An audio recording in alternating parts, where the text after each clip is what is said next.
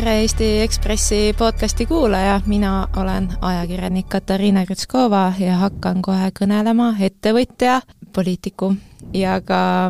aga ka taksojuhi ja kitsekasvataja Martin Repinskiga, tere Martin! tere hommikust! ma usun, et kõiki kuulajaid väga huvitab, millega te õigupoolest praegu tegelete. saate te natukene kirjeldada oma elu? Äh, no eks ma tegelen erinevate asjadega, nagu ikka olen alati tegelenud ja praegu on äh, mõned projektid käsil ja et äh, väga, väga sellest äh, mingit, midagi suurt ja huvitavat hetkel ei ole minu elus äh,, aga töötan selle nimel, et äh, sellised asjad tekiksid mis projektidega te tegelete? no saladust pole äh,? väga suurt saladust ei ole ja samas äh, väga detailselt nendest asjadest, mis on äh, mingisuguses algusfaasis äh,, tav-, tavaliselt ma ei räägi, et aga äh, peamine asi, mis äh, mis mul, äh, millega ma oma elus praegu tegelen äh, tööalaselt, äh, on seotud ikkagi taksondusega ja rendin sellised Äh, autod äh, taksojuhtidele välja, ma olen äh, niimoodi ostnud ja sellest firmat vaikselt arendanud. ja siis lisaks sellele pakume sellist kvaliteetset transferiteenust Mercedestega koostöös nende sama, nende samade taksojuhtidega, kes neid autosid rendivad ja noh, sest me tegelemegi ainult Mersudega, ütleme nii. Jaa, ma vaatasin, et teie ettevõte, mis tegeleb taksondusega mm, -hmm tegi möödunud aastal nelikümmend kuus tuhat eurot käivet. jah, ja no see oli, see oli see ettevõte, kus, mille alt ma ise sõitsin, see oli puhas selline minu, minu töö, ütleme niimoodi, minu tehtud et äh, no see ju teeb aastas keskmiselt iga kuu sellise nelja tuhande eurose käibe. jah, kuskil, kuskil niimoodi see oli, jah. et see on ja. ju tegelikult päris hea teenistus. no see on käive, äh, ei ta-, ei tasu seda üle hinnata, see ei ole mingisugune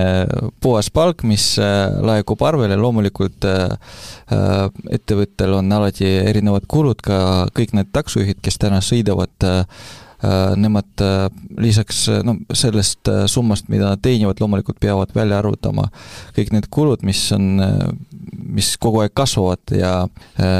see niimoodi ongi jah, et loomulikult ma ütleks, et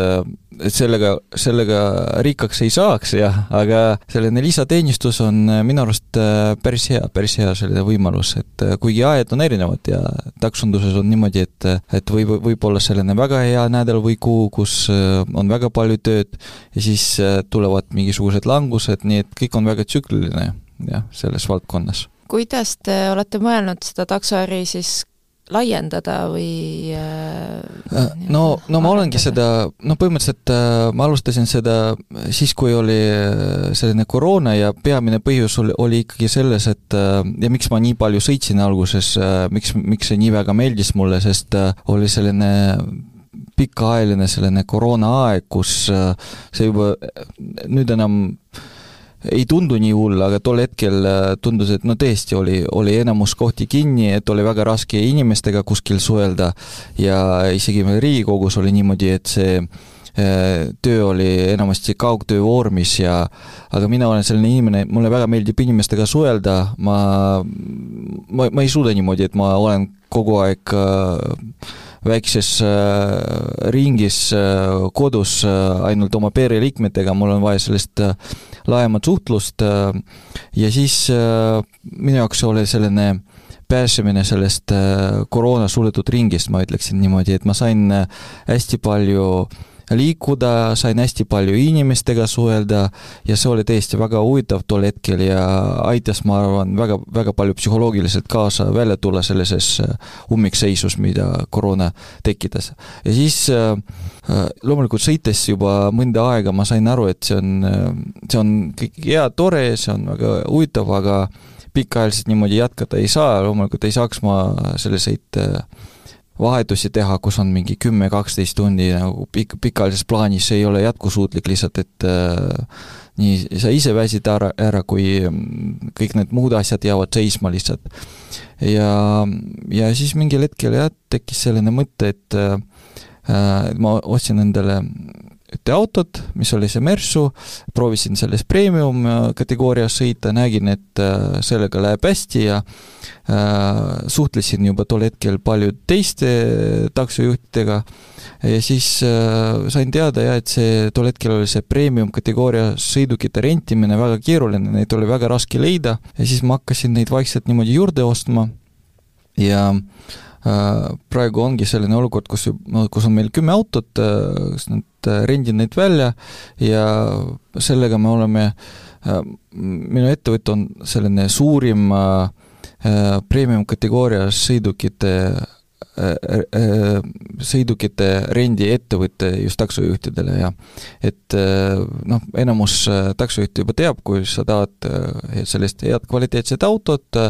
ja häid tingimusi, kus noh, kus sind ei hakka keegi paljaks koorima, ütleme niimoodi, nende lepingutega või midagi sellist, siis, siis nad pöörduvad meie poole ja noh, mina ise, ise, ise tegelen selle kõigega, mul ei ole ühtegi töötajat praegu, et kõik need asjad nagu ise lahendan, et see võtab loomulikult minult päris palju aega, aga see on ka väga huvitav, mulle meeldib, mulle meeldib autoga tegeleda, mulle meeldib inimestega suhelda, nii et ma hea meelega teen seda kõike ja siis kui on mingisugused probleemid, mured, siis proovin neid lahendada niimoodi, et et need inimesed, kes äh, sõidavad sellise hea autoga ja peavadki olema alati heas tujus, head teenindust pakkuma, et neil ei oleks, et neil pea ei peaks valutama nende autode pärast, et nad saaksid keskenduda oma tööle ja kui mingisugune mure tekib, siis nad teavad, et on olemas minu telefoninumber või siis äh, Whatsapp, mis iganes, kuhu nad saavad kirjutada, helistada, siis me kiiresti seda kõike lahendame. ja praegu ma ütleksin, et see noh, Tallinna turg on ikkagi suhteliselt väike meil ja ma ütleksin, et see on selles mõttes täis, et äh, juurde ma neid autosid autosid ei ostaks, sest äh, siis hakkan iseendaga juba konkureerima lihtsalt äh, selle, selline tekib asi, aga edasi see areng läks niimoodi, et me hakkasime pakkuma sellist äh, transferiteenust, saab rentida niimoodi autot koos äh, autojuhiga, saab rentida,